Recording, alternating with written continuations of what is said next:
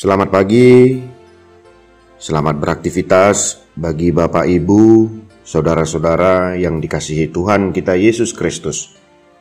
Sebelum kita melaksanakan aktivitas kita satu hari ini, ada baiknya kita bersama-sama mendengar firman Tuhan yang tertulis di dalam surat Apostel Paulus kepada Efesus pasal yang kelima ayat yang ke-20. Demikian bunyinya. Ucaplah syukur senantiasa atas segala sesuatu dalam nama Tuhan kita Yesus Kristus kepada Allah dan Bapa kita. Dengan judul renungan kita hari ini, Obat Stres. Ada dua kata penting yang terkandung di dalam ayat ini, yaitu kata senantiasa dan kata segala sesuatu. Dan menjadi menarik sekali bahwa kedua kata itu dihubungkan dengan hal ucapan syukur. Ucaplah syukur senantiasa atas segala sesuatu dalam nama Tuhan kita Yesus Kristus kepada Allah dan Bapa kita. Senantiasa berarti berbicara atau menunjuk kepada masalah waktu, sedangkan kata segala sesuatu berarti berbicara atau menunjuk kepada masalah situasi dan kondisi.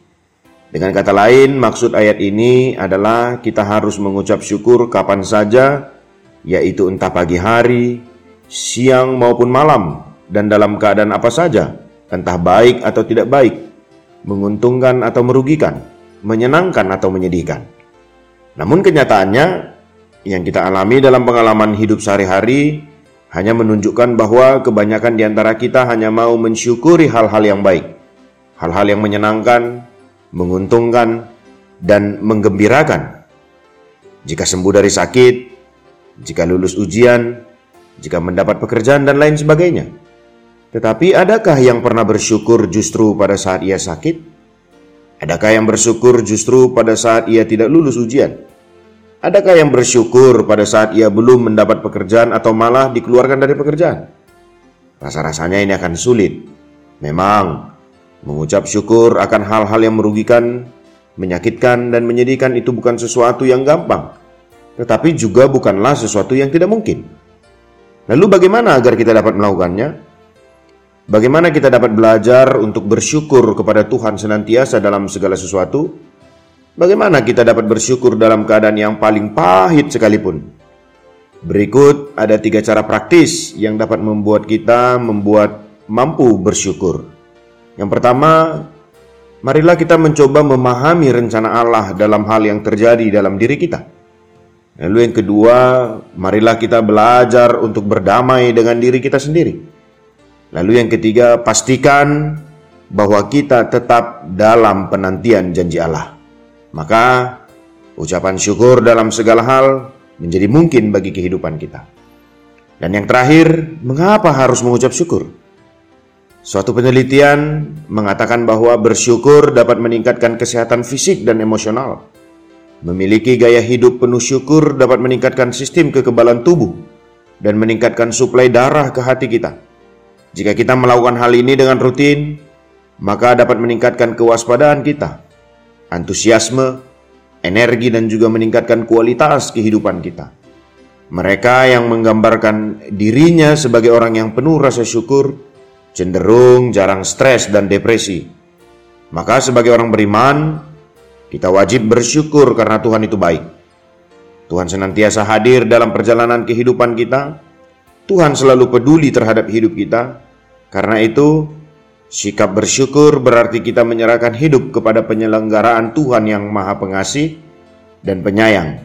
Dalam hal ini, Yesus Kristus Tuhan kita di dalam Allah dan Bapa kita.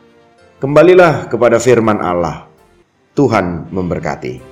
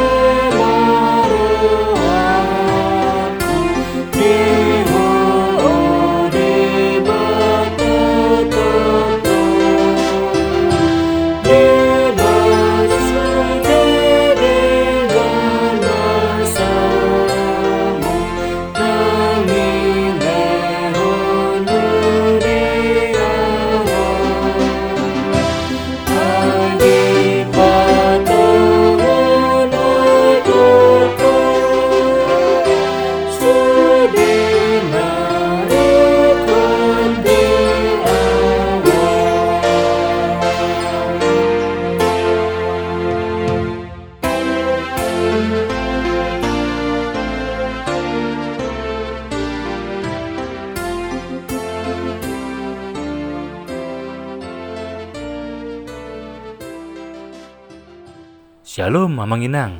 Terima kasih sudah mengawali hari dengan mendengarkan renungan hari ini.